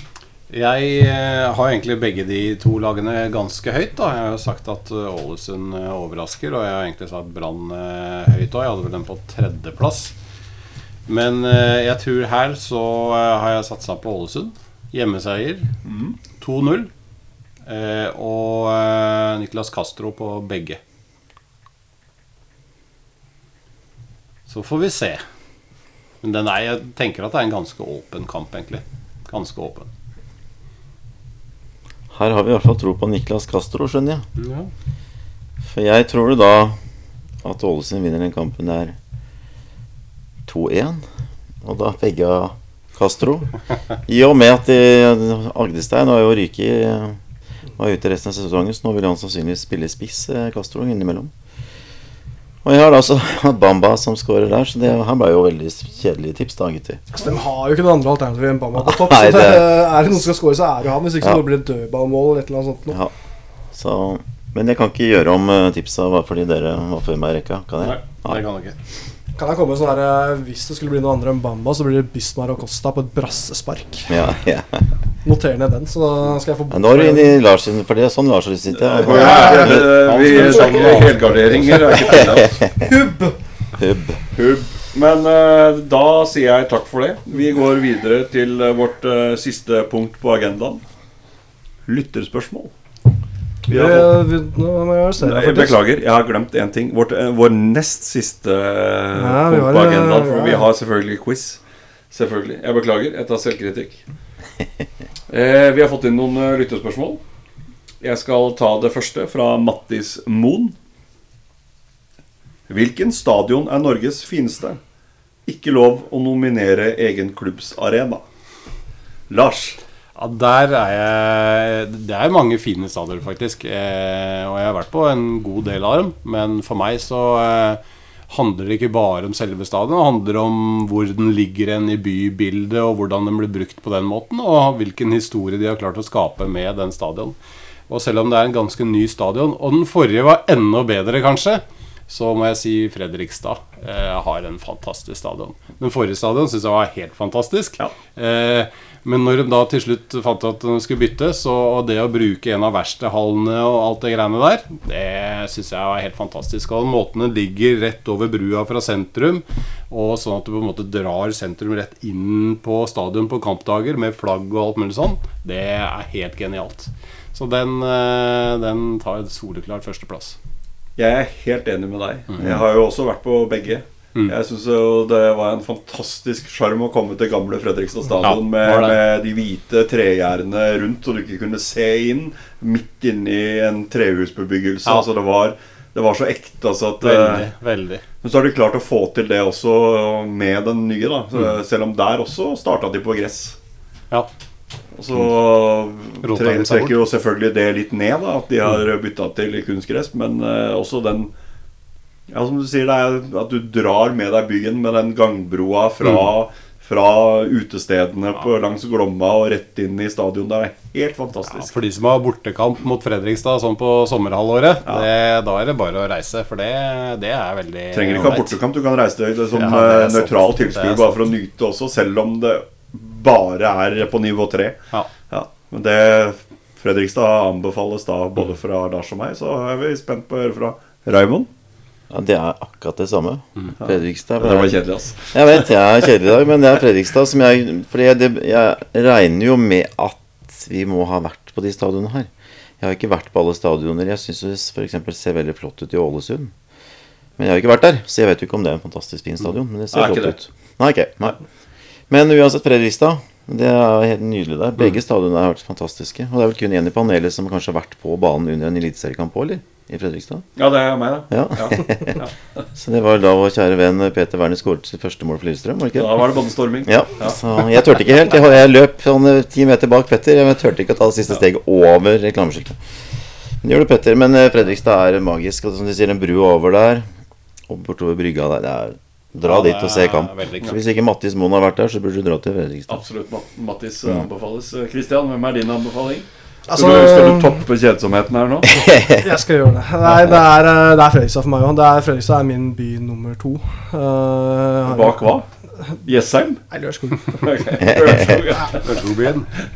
Altså, det er mitt andre hjem. Uh, jeg har uh, familie derfra. Farmora mi var fra Lislebyen. Eh, og så har jeg en far som bodde der mye Mange av åra mine i oppveksten bodde både på østsida på Rollsøy. Og vi ferierer veldig mye på hyttene på Hvaler. Så, så du hyttene? Ja, det er uh, Svigers har to hytter der sånn på Totte. Okay. Uh, så ja, det, Var det sviger som hadde lagt ut den plakaten uh, via en eiendomsmegler på Hvaler og kjøper hytter bare over 15 Jeg er bare interessert hvis det er over 15 millioner kroner. Nei, det er ikke det. Det, det hørtes veldig sånn noe vestkant ut når jeg sa hyttene. Det er, Ja, stygg så, sak. ja. Nei, men uh, så jeg er veldig mye i Fredrikstad. eh, og det er uh, usedvanlig vakker Har du følelser for klubben Fredrikstad? Mer følelser for byen Fredrikstad enn fotballaget Fredrikstad. Men jeg har fulgt eh, klubben tytt tykt og tynt. Den En av de første fotballkampene jeg var på, var vel Fredrikstad Skjetten i gamle andredivisjon. Uh, så det er, det er uh, få, få byer som topper Fredrikstad om sommeren, i hvert fall. Og den stadion der sånn, det er, det er full pakke. Du nevnte Ålesund. Jeg har ikke vært på den nye Color Line stadion, men jeg har vært på Kromira. Ja, ja, ja, Og hvis den fortsatt hadde stått Nå har det blitt uh, boliger, men uh, jeg var der på Ålesund-Vålerenga. Det var fullstappa. Det, hele den derre fjellveggen. At da, det er et minne for Ja, livet. Altså, det er ingen stadioner jeg har jeg har vært der, jeg var altså. heldigvis siste sesongen der på Kråmyra. Lillestrøm, eh, Ålesund. Fantastisk. Så, nei, det blir eh, Av nåværende stadion så blir det Fredrikstad stadion. Altså. Ja. Min, eh, apropos det med Fredrikstad, som du kan si- si at uh, første kampen Fredrikstad Min første cupfinale 1984. Fredrikstad-Viking. Per Egil Halsen. Husker det veldig godt. Det var sammen med tidligere Lillestrøm-spiller Jan Lund på den kampen. Grei start. Det var min første cupfinale. Den, eh, Kanskje en av de første kampene jeg husker sånn godt også. Da var jeg ni år. Så det, Men er det én ting jeg ønsker meg. Eller jeg ønsker meg selvfølgelig et par andre ting, men jeg håper virkelig Fredrikstad kommer seg oppover snart. Ja. De fortjener å være helt oppe, altså. Ja, Hvert jeg fall- synes det var hvert fall- veldig- Gjerne uten han der jævla Rayo Piroja da, altså. Ja, det er veldig greit. Han var jo fantastisk. Ja, Ja. Men jeg skulle gjerne sett at Sarpsborg og Fredrikstad var i Eliteserien sammen. Mm. Det Ja, kunne det vært litt, veldig gøy. Er eh, litt litt sånn som eh, Du har Østfold-derby, og så har du Lillestrøm-Vålerenga. Altså, Sånne oppgjør er med på å dra norsk fotball. Du, du så jo bare den prøvde den der Winter Classic i hockeyen på Fredrikstad stadion mellom Stjernen og Sparta Sarpsborg. Du bare så den enorme rammen som er der. De kan det Ja. hvis de vil. Og det er, det er så mye engasjement Det er det. i Østfold. Så jeg sier fortsatt Østfold, det selv om det ikke er noe som heter Østfold lenger. Men altså, ja, jeg håper de kommer seg opp. Jeg håper de klarer å skape trykk rundt klubben og et derby eventuelt mot Sarpsborg. nå blir det jo, det blir jo enkel serie der nå, da, med oppstart 11. juli, tror jeg. Så det blir enkel serie med noe slags sluttspill på Kanskje det kan, kanskje det kan være bra? At det ikke Tror jeg er enklere å rykke opp. Ja, det tror du ikke det? Mm, enkel, enkel Ja, for de pleier å choke litt Ja, de gjør det. utover høsten. Ja, de gjør så de pleier gode fram til uh, pubene åpner på sommeren der. Og så Kanskje det er en dårlig periode for Fredriks å starte i. Men du ser jo den er supporterpuben og ligger liksom langs uh, i sentrum der, langs det er- elva. Det er bare Det Ja, er så nydelig, vet du. Ja, det er helt nydelig, det. Vi er tydeligvis glad i Fredrikstad her. på er det. det er, Overraskende svar eh, uten å ha snakka om på forhånd, da. Ja, men du må også gi Fredrikstad Når det kommer Hvis det blir et Østfold-derby i Eliteserien, går til øl, der vinner Fredrikstad glatt over Sarpsborg. Altså Fredrikstad Pilsneren kontra er bedre Borg. enn Borg. Borg er bæsj! Sånn sett så burde jo Arendal vært i Eliteserien. Absolutt. La oss ikke gå dit. Eh, spørsmål nummer to. Fra Marius. Hei, Marius. Publikumstak på 200. Det ble jo publisert i går at i tillegg til funksjonærer og alt som er, så har man lov til å slippe inn 200 tilskuere på eliteseriekampene. Hva mener dere klubbene bør gjøre? Og jeg tenker Her er det jo godt vi har god tid, for dette er jo et fryktelig svevende og vanskelig spørsmål å debattere. Ja, det har jo vært uh, hot topic, dette her, på sosiale medier siden det kom. Uh, hvem har krav på disse 200? Noen har jo foreslått at uh, de som var på flest borteturer, skulle få dem. Sesongkortholdere. Jeg syns det er vanskelig, fordi Det får jo ikke blitt rettferdig uansett. det gjør jo ikke det. Uh, mange er jo for den alle eller ingen. Men så tenker jeg sånn som f.eks. familie da, til spillerne. Den burde jo kunne være inn der. Nå skal jo spillerne være nærmest i sånn eh, karanteneopplegg. Og da klart Hvis det her er muligheten du har til å se faren din, så burde det være en gyllen anledning for å få en av de billettene. Gi litt tilbake. Ja, Ja. Medlemmer av klubben, da, folk som har vært der i tykt og tynt i 50 år som oppmann eller andre funksjon, funksjoner i klubben, burde jo være en Æresmedlemmer. Ja. Den burde jo få dette her. Og så er det jo ja, sesongkortholdere, de som er der liksom på alle borteturer, alle hjemmeturer. Hvordan? Ja, ikke sant, det er det som er, eh, da. Henter man den statistikken her for eh, store klubber altså, som har mange Som ja, Vålerenga, Mm. Rosenborg, Brann, Viking Altså det er mange mennesker som reiser hjemme og borte. Mm. Sesongkort, er medlem. Altså, men, og, det, og det er jo umulig å ta alle disse hensynene. Ikke sant? Hvem har som har flest bortekamper? Skal du begynne å finne ut av det? Det, det er jo større jobb enn å, enn å få dem inn på stadion. Så tenker at eh, Jeg du må er- velge en regel, og jeg syns at uh, sesongkortholdere burde trekkes ut blant sesongkortholdere. Eh, de har betalt for kampa, for de har kjøpt seg det sesongkortet. Så sånn sett så er det fair.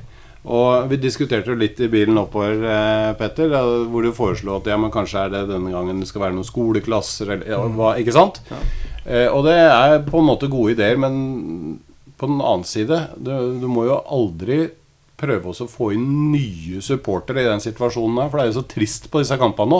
God- det hjelper ikke med 200 stykker. Det kommer til å bli nitrist på enhver arena. Og så skal du få inn nye folk. Du så det kommer en da? og så bare Å, fy faen, her var det gøy. Ja. Nei, det er ikke det. Det er ikke gøy i det hele tatt. Det kommer til å bli nitrist. Så ta, la det være de som du i hvert fall ikke skremmer bort, og det er jo sesongkortholdere som allerede har betalt for det. Ja, men samtidig så tenker jeg at uh, man kunne delt ut Jeg mener sånn for familie for eksempel, burde få noe av de billettene. Nei, familien holder langt unna. Det, det Nei, spiller men ingen øh, jeg rolle. syns faktisk at de som din aller nærmeste er sånn, altså kone, samboer, unger, burde få den. Eh, jeg tenker æresmedlemmer burde få for liksom innsatsen gjennom tynt. Så mener jeg man bør gi bort billettene til de vanskeligstilte i sitt hjemsted. At de som ikke har råd til å dra på kampene normalt, burde få muligheten til det nå.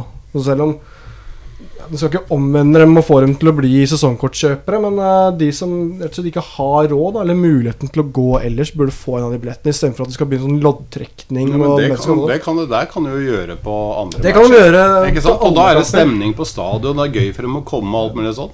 I stedet for at du nå så, Ja, det er så dårlig råd at man drar på de matchene hvor det er så kjedelig på de kampene at du holder på å forgå. Og ikke er du så interessert i fotballen heller, fordi du Ja.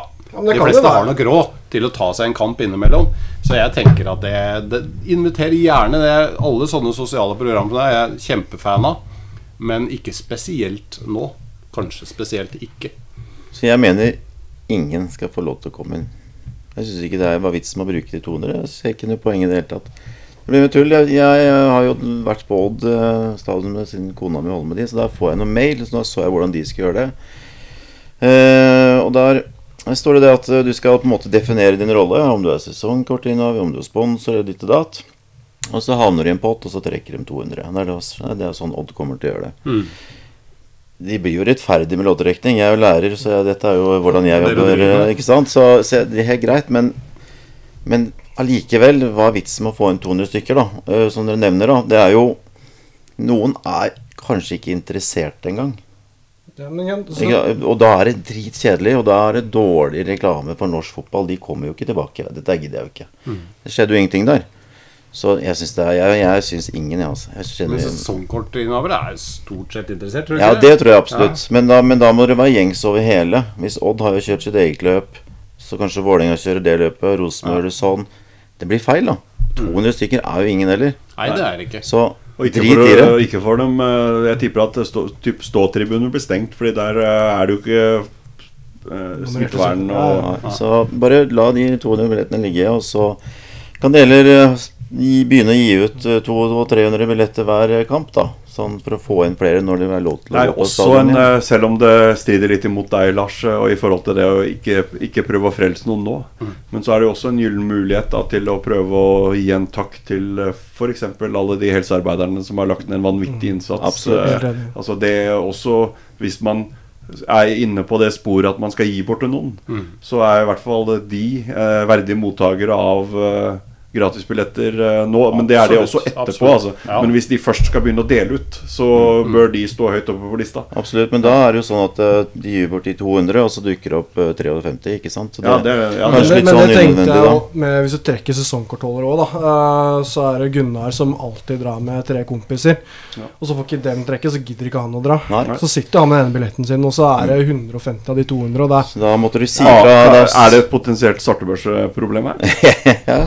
Men vi er fem stykker som drar sammen. Og hvis jeg hadde fått billett, Da hadde driti i jeg lett dratt. Ja, ja, ja. Driti i gjengen. det- Sånn er det jo. Men det er, sånn er det ikke med alle, vet du. Jeg hadde ikke giddet å dratt. Jeg hadde ikke giddet dratt hvis jeg skulle sitte der aleine. Nei, ikke jeg heller. Jeg Åh, jeg har sett så mange fotballkamper rundt omkring på norske steder. Du er spesiell, Kristian. Så jeg hadde lett at jeg hadde Fatta var eh, Han drev kiosk før, han tippekommisjonær. Alle tippekommisjonærer fikk eh, sesongkort av Norges Ja, det Fotballforbund. stemmer det.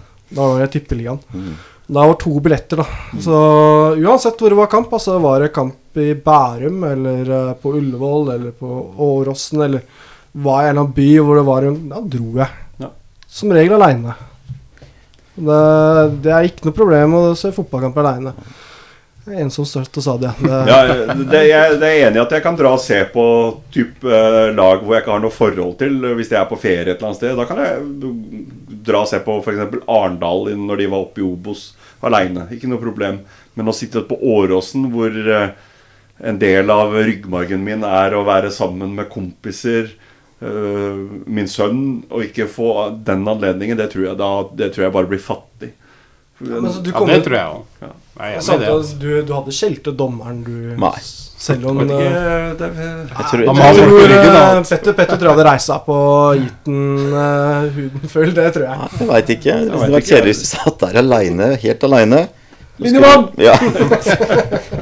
Det klinger ikke så bra da. Nei, eh, jeg syns det der er litt tull. Ja, Det altså, var jo så vidt inne på det der med, med mm, svartebørshandel. Og det må de prøve å unngå for at det skal bli sånn uh, kaos rundt. Hvis du er villig til å legge 10 000 kroner på bordet for å se en kamp, da skal du få se kamp. Det syns jeg det blir håpløst. Ja. Sånn skal det ikke være. Ja, de skal ikke kjøre eh, Altså, Svartebørs er én ting, men klubben skal jo på, Altså må absolutt ikke kjøre sånn eh, eh, Hva skal jeg si auksjon på billettene nei, nei. heller. nei. Nei. Det, er, det er nei, nei. Men Hvordan funker det med de som har leiligheter på stadion? da? De kan se. Ja, ikke Ja, Odd. men er det Nei, der skal de sette Det skal ikke det. Der skal de sette sånne sponsor... Eller hva heter det? Reklameplakater seil foran. Søren, altså, du ikke trodde Odd kunne bli kjipere, så drar de dette her opp. Nei, jeg lest faktisk Jeg høres ut som en Odd-fan nå. Jeg er ikke det nok en gang. Det er ikke min kone. Men, eh, men jeg, det leste jeg faktisk. eh, At de skulle ikke da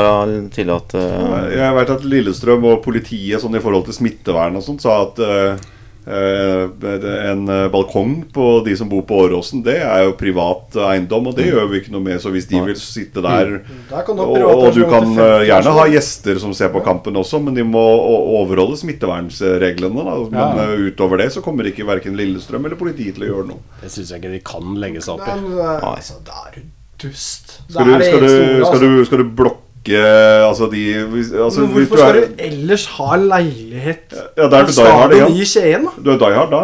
Men du er, det er antageligvis fordi de er redd for uh, at det skal ja, samles for det- mye folk. det det, men, men da er du på en måte utafor stadion på den Ja, måten. det er ikke Odd sitt ansvar, det. Nei, det, Nei. Syns jeg, det skal de ikke blande seg opp i. Nei.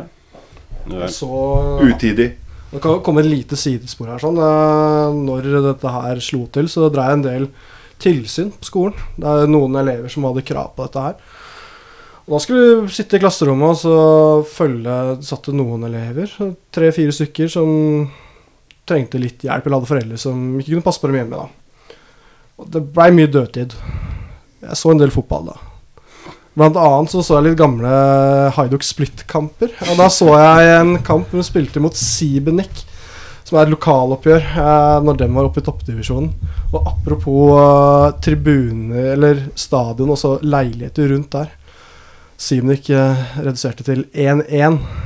Da var det én i blokka som sto ved siden av stadion, hvor det sto noen på balkongen. Den fyra bluss.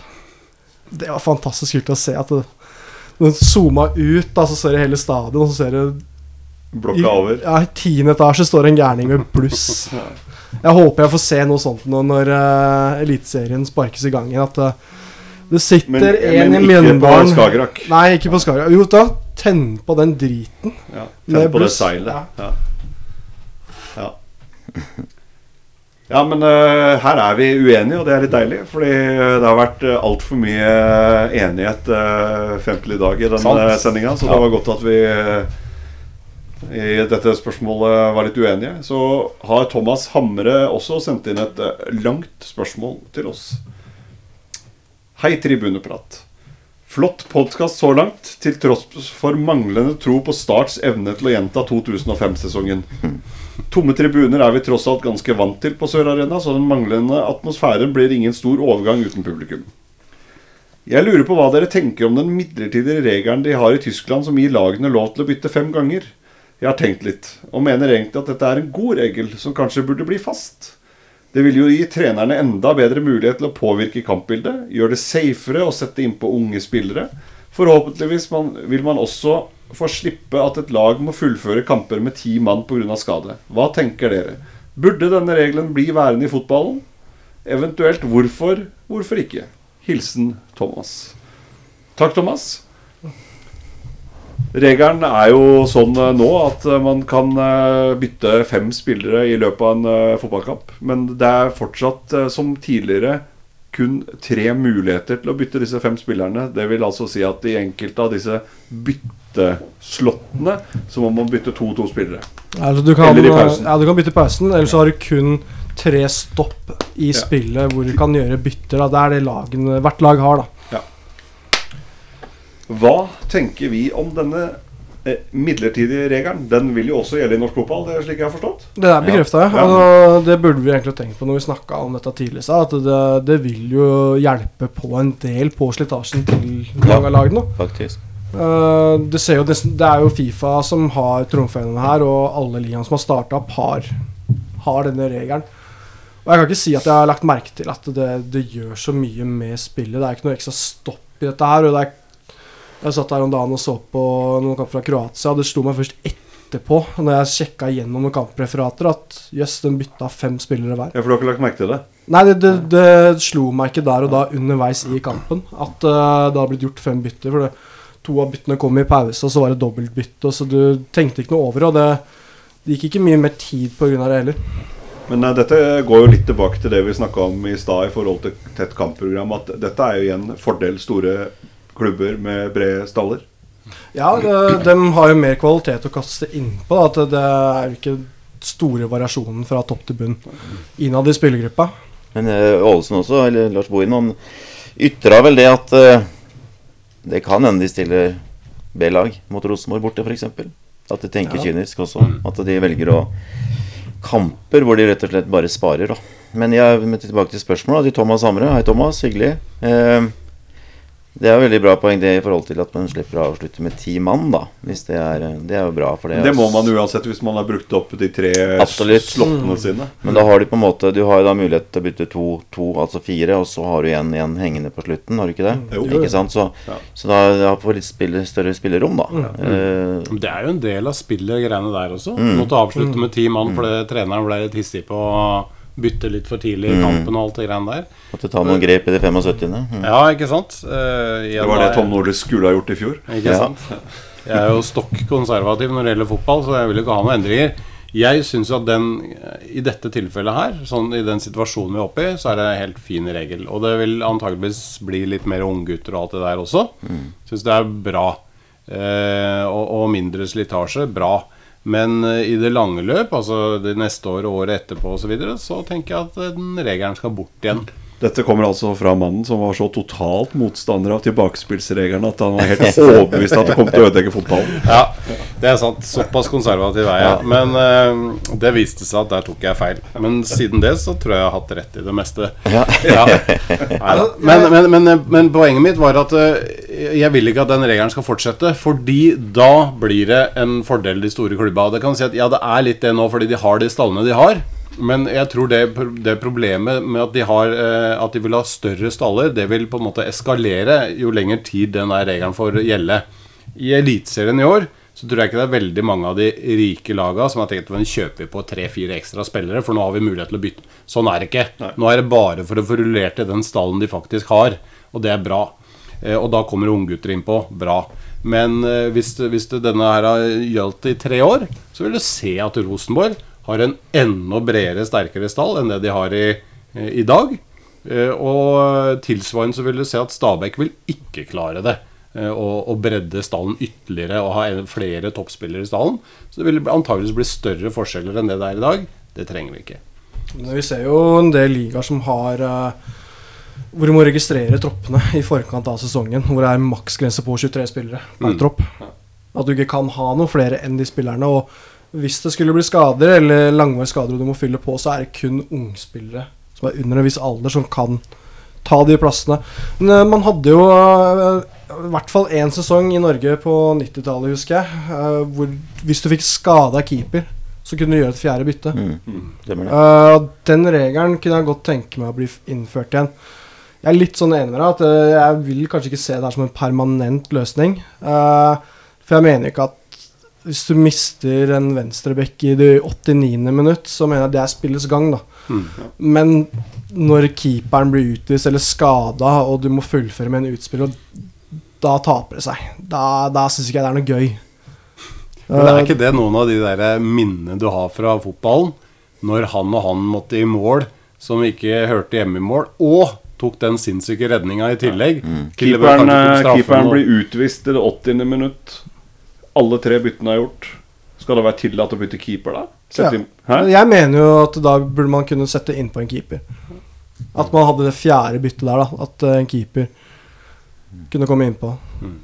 Men eh, jeg, ellers er jeg litt sånn usikker. For det vil kunne føre til uh, at flere unge spillere får muligheten. Man vet jo en del ligaer har jo innført at du kan ha tolv innbyttere på, til hver kamp. Fordi da er det større sjanse for at de unge spillerne kommer med i kamptroppen. For hvis du bare har sju som du kan ha med, så er det fort gjort at de blir Det er ikke plass til dem. Fordi du skal ha mer etablerte spillere. Men hvis du har tolv stykker, og de leder på det 3-0 i det 79. minutt, så kan du slenge inn på en unge, så får han verdifull erfaring, da. Men eh, det kommer ikke til å gjelde i Norge, for her er jo økonomien så skrantende. Så du, hvis du ser på eh, bortelagstropper, da, så er det eh, gjerne én og to spillere mindre for å spare reiseutgifter. Vi har gjerne tre innbyttere pluss keeper Ja. på bortebane. Mm. Så det, det blir, vil sikkert ikke bli et sånt problem. Så Men det er vel heller ikke et kjempestort problem at uh, unge spillere ikke får spilletid i Eliteserien heller. Neida. Fordi som du sier at økonomien til klubbene er jo også såpass at man er helt avhengig av å ha spillere, unge spillere. Må fylle opp troppene. Og også fordi at det er et videre salgspotensial. Mm. Og Det er sånn klubbene overlever. Og det er vel ikke sånn at du blir automatisk god eliteseriespiller bare ved, å få tre, fire, fem flere innhopp i det 88. minutt, på en måte. De får ikke så mye erfaring av det. Nei, I hvert fall så blir det bare en ekstra hvilepute for treneren. Det blir sånn som Henning Berg dreier både ved Lyn og Lillestrøm. Mm. At uh, man unnskylder manglende resultater med at man har en så fantastisk ung tropp. Mm. Uh, da tenker jeg det er jo Jeg blir aldri imponert da når Nei, man er skryter aldri- av hvor gode de er med hvor ungt lag de har. Det Den blir så defensiv med en gang. Det blir Mm. sånn Nei, vi er så mye unge nå, så vi må forvente at det svinger så mye. det er ikke i år vi skal ta det, det er neste år. Ja, ikke sant. Men da beholdt vi dem ikke. Altså, det blir vanskelig. Men, jeg, men jeg, fint i år. Jeg er enig med dere, egentlig. Fint i år med fem innbyttere. Men eh, gjerne tilbake til normalen. Egentlig. Thomas. Alltid tilbake til normalen. Ja. Ja, men Da har vi gått gjennom eh, det jeg har. Nå er det altså Christian som skal få lov til å ta en quiz. Yes. eh, Som også er en eh, fast spalte. Vi kan jo lese opp hva scoren er ut fra de forrige runders quiz. Eh, På bunn med ett poeng. Raymond. Takk. Nest sist Christian med to poeng. Har litt å si at dere to har jo selvfølgelig holdt en hver, ja. eh, en quiz hver. Ja, det er sant, ja. Eh, Så det er jo de to nå som er litt mer gjeldende. Lars fem poeng, og da undertegnede ni poeng. Hmm. Så vær så god, Christian. Yes, Fem eh, spørsmål denne gangen her også. Jeg prøvde meg på en sånn spillebuss i form av dikt. Eh, jeg ga opp det ganske fort. Eh, så nå er det fem spørsmål. Litt variert eh, hvor mange poeng man får på disse spørsmålene. Eh, det er én 'Hvem er jeg?' hvor jeg leser opp spillekarrieren. Og så skal dere gjette det fram til spilleren. Så vi bare starter, eller? Ja. Er det først fem poeng, da? Eh, Det første er et spørsmål med mulighet for tre poeng. Oi. Ja. Eh, alle spørsmålene har en eh, relevans til norsk fotball. Og da skriver vi ned når vi tror vi vet svaret. Yes, og så går vi gjennom det etterpå. Og så legger vi fra oss skrivesaker Mhm. når det er gjort. Da starter vi, da. Eh, spørsmål 1. Rosenborg oppnådde noen enorme bragder i Champions League på 90- og tidlig 2000-tall. Og før Champions League hadde man serievinnercupen, som var en ren utslagsturnering. Der var ikke Nor- norske lag like sterke. Men mitt spørsmål er hvilke lag var det første fra Norge som deltok i serievinnercupen? Når var dette? Og hvilket lag møtte man i første runde? Det er altså muligheten for å få tre riktige. Du må kunne vite hvilket lag var det første som deltok i serievinnercupen, hvilket år det var, og hvem man møtte. Skriv i vei, gutter.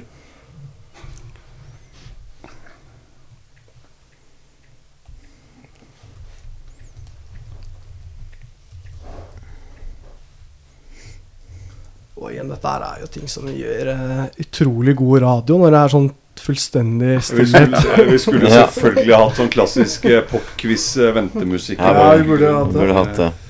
Men uh, ja. Er dere klare? Ja. Yes. Spørsmål to.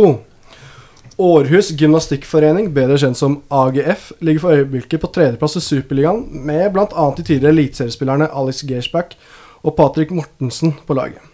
Lagets trener er en kontroversiell figur med lang fartstid innen norsk fotball, både som spiller og trener. Hvem er AGF sin trener?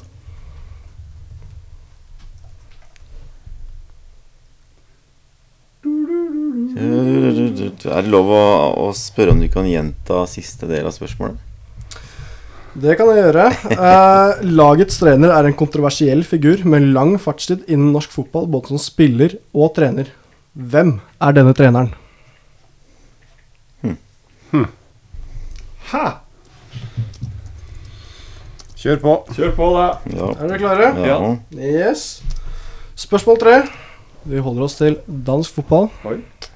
Dansken Allan Gaarde hadde en veldig fin karriere, og midtbanespilleren fikk bl.a. en sesong i Serie A for Udinese tidlig på 2000-tallet.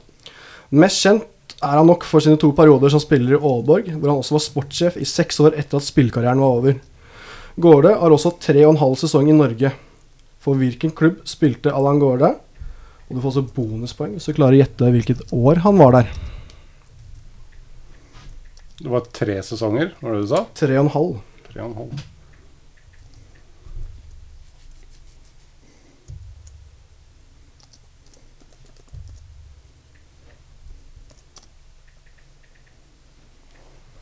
Raymond er ferdig, ser det ut som. Var det tre og en halv eller to og en halv? Tre og en halv.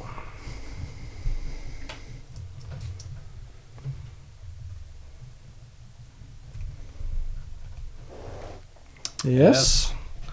Da er det spørsmål fire. Dette her er en 'Hvem er jeg?' Jeg leser opp årstallene og hvilken klubb han spilte for i denne perioden. 1997 til 2000 Bryne. 2001 til 2002 Westham. 2002 til 2003 Bryne. 2004 til 2005 Brann. 2006 til 2009 Viking. 2009 til 2012 Rapid Wien. 2012 til 2013 FC Nordsjælland. 2013 Lyngby. Og 2013 Førde. Hvem er jeg? Åh, Jeg veit jo. Jeg ser den for meg. Ja, Da er det bare å skrive ned. da, Raymond. Ja, Tegn, da. Tegne. ja kan jeg tegne den?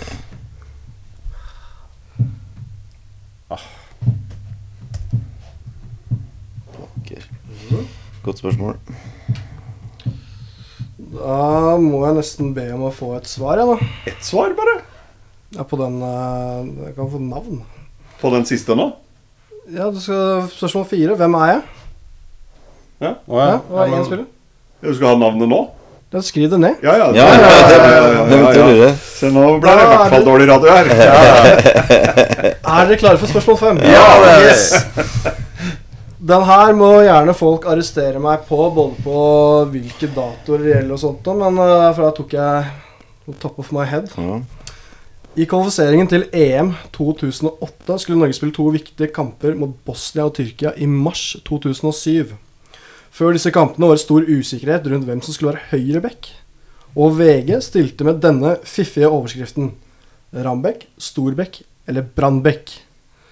Rambekk var som kjent Lillestrøm-bekken Anders Rambekk. Storbekk var i Vålerengas Jarl André Storbekk. Men hvem var denne Brannbekken som Åge Hareide hadde tatt med i troppen? 2007. Jepp.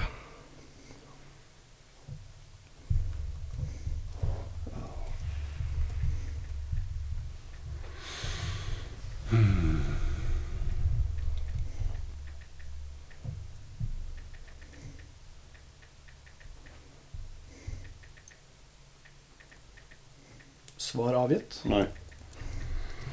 Ja. Sikkert feil, men det er avgitt i hvert fall. Kommer ikke på nummer fire, ass. Det veit ikke hvem det er. Yes, Petter. Er det meg? Nei, er, er du skrevet Jeg ned? skriver jo det, Du sitter fortsatt og skriver, så jeg tror du lurer. Og stavekontroll. Sånn Ja, ja. har jeg skrevet. Yes, spørsmål én. Hvem var det første laget fra Norge som deltok i serievinnercupen? Når var det, og hvem møtte man i første runde? Petter? Petter? det er dårlig gjort, altså. Jeg ble helt satt ut. Jeg tenkte hvor langt skal vi tilbake nå? Ja. Eh, og så ble jeg liksom eh, Hva het serievinnercupen før han var serievinnercupen? Messebycupen? ja, er ikke det Jo. Er det ikke Ja, kanskje. Og så tenkte jeg, er det det som gjelder? Hva, men eh, uansett, da. Jeg skrev Lyn 1968. Det er det jeg har. Ja. Jeg skrev Lyn Ajax eh, 1972. Jeg skrev eh, Viking, og eh, jeg skrev også 1972, faktisk. Og så skrev jeg Barcelona. Raymond fikk faktisk ett poeng. Oi. Det er Fredrikstad i 1960. De møtte Ajax. Som de også, Poeng for det! Ja, ja, ja. ja. som de også slo ut 4-3 etter å ha vunnet 4-3 i Fredrikstad. Yes. Det er faktisk den eneste gangen i løpet av de ni gangene Fredrikstad har vært i Europacup, at man klarte å slå ut et lag. Runden etterpå så røyk man mot AGF fra. Danmark. Da hopper vi elegant videre til AGF. Århus gymnastikkforening Ett poeng Har notert en- på Raymond. har en kontroversiell trener som eh, har vært både spiller og trener i Norge. Raymond? David Nilsen. David Nilsen. David Nilsen. Yes. Et poeng til alle. langt inne. Og vi nevnte jo at han er en kontroversiell figur. Mm. Han sleit jo stort med gambling, som vi har vært innom tidligere på den podkasten her. sånn. Ja. Blant annet så var det han og Jimmy Nilsen, keeperen i Aalborg, eh, måtte ha hjelp av klubbdirektøren til å betale ned spillegjelda si. Og David Nilsen innrømte også i selvbiografien sin at han i 2004 bevisst gjorde det dårlig i en kamp mot FC København for at laget hans skulle tape. Så at han kunne tjene penger på dette her. Han var jo i Aalborg fram til 2005. Da fikk han sparken etter å ha angrepet Allan Gårde på trening. Oi, oi, oi. oi. Er det en sånn quiz? Yes. Fantastisk. Har du lyst til å høre David Nilsen sin egen beskrivelse av hva som skjedde? Han skrev i selvbiografien sin Gårde var provoserende, og han snakka høyt om vin på italiensk under treninga. Jeg sa til han at han ikke var italiener. Du har bare bodd der i åtte måneder. Neste gang du prater italiensk, jeg knekker deg i to. Neste gang han gjorde det, bestemte jeg meg for å knekke beina hans som pinner. Jeg hoppa på han. Bang! Jackpot. Jeg var fornøyd. Imponerende type David Nilsen. Han har jo da en uh, trenerkarriere, uh, eller spillekarriere, som uh, var da i Start, Strømsgodset og Brann. Og har i, som trener vært assistenttrener i Løvham og Strømsgodset. Mm. Og hovedtrener i Nessotra Strømsgodset. Ja, stemmer. Så ja, en kontroversiell figur. Som gjør det veldig bra og nyter stor respekt i Danmark som trener her sånn. Og vi snakka om Allan Gårde. Yes. Lars, hvor har han spilt? Jeg er usikker, men jeg satt eh, Viking. Mm. Det er riktig. Æsj. Deilig. Eh, og så skulle jeg ha når, da. Det var jeg veldig usikker på, så jeg satt 2000 til 2003. Han var kaptein under Ove Røsler. Var det? Ja. Kan du se. Da kan du eh, ta Jeg har skrevet eh, 2005-2008. Det er helt riktig. Det er null poeng på meg. Det er to på meg, da. Ikke bonus for å klare kaptein og Nei. Ikke sånn det fungerer. Lars ett poeng.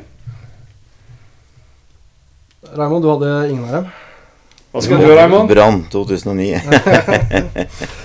Det var uh, Roy Hodgson som uh, henta han til Viking. Det var samme mannen som hadde den i Udinese. Hvem er jeg? Dette er jo da en tidligere lagkamerat av Allan Gorde i vikingtida. Viking. Jeg veit jo det. Jeg veit jo ikke, jeg har ikke noen ting, jeg, for han har uh, lyst hår oppå og Ble, bleike. Ja, bleikete hår. Stripa hår. Hvem har den? Jeg har den. Eh, Ragnvald Soma. Ja, Det er helt det riktig. Det, Ja, ja. Soma var det eneste jeg kom på. Jeg hadde ikke Ragnvald. Er det holder det? Jeg skal holde ved Soma. Skal få på Soma, vel. Ja, Greit, skal få for den. Takk. Yes, Ragnvald Soma. Fem landskamper for Norge. Uh, Blei henta til Westham uh, for nesten 10 millioner kroner. Han debuterte i FA-cupen mot Manchester United på Old Trafford, hvor Westham vant. Det ble ikke så veldig mange flere kamper enn det. Han spilte rundt en åtte kamper tror jeg, på den tida han var der. Uh, blant annet så ble han henta til Viking i 2006. Da kosta han 5 millioner kroner pluss Bjørn Dahl. Og da fører oss til spørsmålet Hvem var Brannbekken Åge Harald hadde tatt ut i dette dobbeltoppgjøret? Det er Bjørn Dahl, eller? Det er Bjørn Dahl, ja. Er det noen som hadde riktig på den? Ja, det er Bjørnar Holmtveit. Det var han uh, som henta fra Stabekk. Heter han Bjørnar Holmtveit? Bjørn Holmvik. Holmvik. Holmvik, ja. Holmvik var det. Ja. Jeg satt og sleit så fælt. Ja, jeg hadde ikke jeg hadde Gjermundseth, skrev jeg. Jeg vet ikke hvor jeg fikk det Jeg fra. tenkte-. Ja, du tenkte på Gjermund Brendesæter? Ja, Nei, altså denne Brannbekken som har tatt ut dobbeltgjøret, var Bjørn Dahl. Han spilte ikke noen av disse kampene. Han fikk én landskamp i 2004 mot Singapore. Men eh, blant annet så ble han jo seriemester med Brann i 2007 og cupmester med Viking i 2001. Bra, Bjørndal. Ja, Ja, ja, Skal jeg da lese status på poengene? gjør det. Eh, Christian, fortsatt to poeng. Raymond, tre poeng. Lars, åtte. Petter, 13. Jeg liker ikke quiz, jeg. Det er, det er morsommere å lagre, men å Ja, svare ja, på dem. ja, ja. Ja, jeg skulle jo brife i eh, forrige sending og si at jeg kunne noe tyrkisk når jeg sa tupp eh, gerde. Uh, når jeg kom hjem, så kom jeg jo på at uh, det var jo ikke tyrkisk, det. Det var persisk. Men allikevel, uh, tupp gerde er ballen er rund, men det er ikke på tyrkisk. Vi- Og det var litt dumt, da, for det var jo et, en god overgang vi hadde der med tyrkisk forrige gang. Så, så til våre tyrkiske og persiske lyttere så beklager jeg det på det aller sterkeste. Burde de gi litt sånn slags poengtrekk i quizen? ja, det tenker jeg kanskje. Fem minuspoeng, det. Har vi fått noe input fra alle lytterne på at det var feil, eller har Nei. vi gått Nei, det ingen som upakta har- hen? ingen som har reagert på det. Ingen som har reagert på det. De har eh, tenkt at oi, språkmektig. Der tok de feil. Ja. Men Ja. eh, kanskje vi skal runde av med å anbefale folk å kjøpe selvbiografien til Ragnvald Soma og David Nilsen. Er det bra, det, eller? Ja, det, Jeg har ikke lest eh, noen av dem, men eh, David Nilsen har i hvert fall en karriere som uh, Den var rekrutt i, så det Ja, litt mer sånn kontroversiell type. Sikkert ja. litt mer morsom å lese og sitte og klø seg litt og Jaha. tror ikke eh, Hvis jeg ikke husker feil, så var det Ragnvald Soma ganske kristen av seg, så jeg tror ikke det Slår er- meg ikke som den mest uh, Nei, jeg er kjempevanskelig for å anbefale den. Jeg har aldri lest den, men jeg tror ikke han er noe bra, så jeg gidder ikke Jeg ble litt anbefale den. overraska Ikke da jeg noen så i går at det, han kom med en biografi i 2017. Det hadde gått meg hus forbi. Kanskje vi skal være litt mer egoistiske og anbefale lytterne til å råde andre å høre på oss. Ja. Det var en god anbefaling. Så at de ikke sitter og leser bøker, men heller hører på podkasten Tribuneprat. Ja. Nei, vi får vel ønske alle tilhengere av norsk fotball masse lykke til. Åh, To dager igjen, så Deilig. braker det løs. Sørg for at abonnementene er i orden, at du får sett uh, dette på din, uh, ditt fjernsynsapparat. Og med det så ønsker jeg dere alle, etter én time og 18 minutter, en eh, fortsatt eh, fin dag hvor enn du befinner deg. Vi eh, høres snart igjen.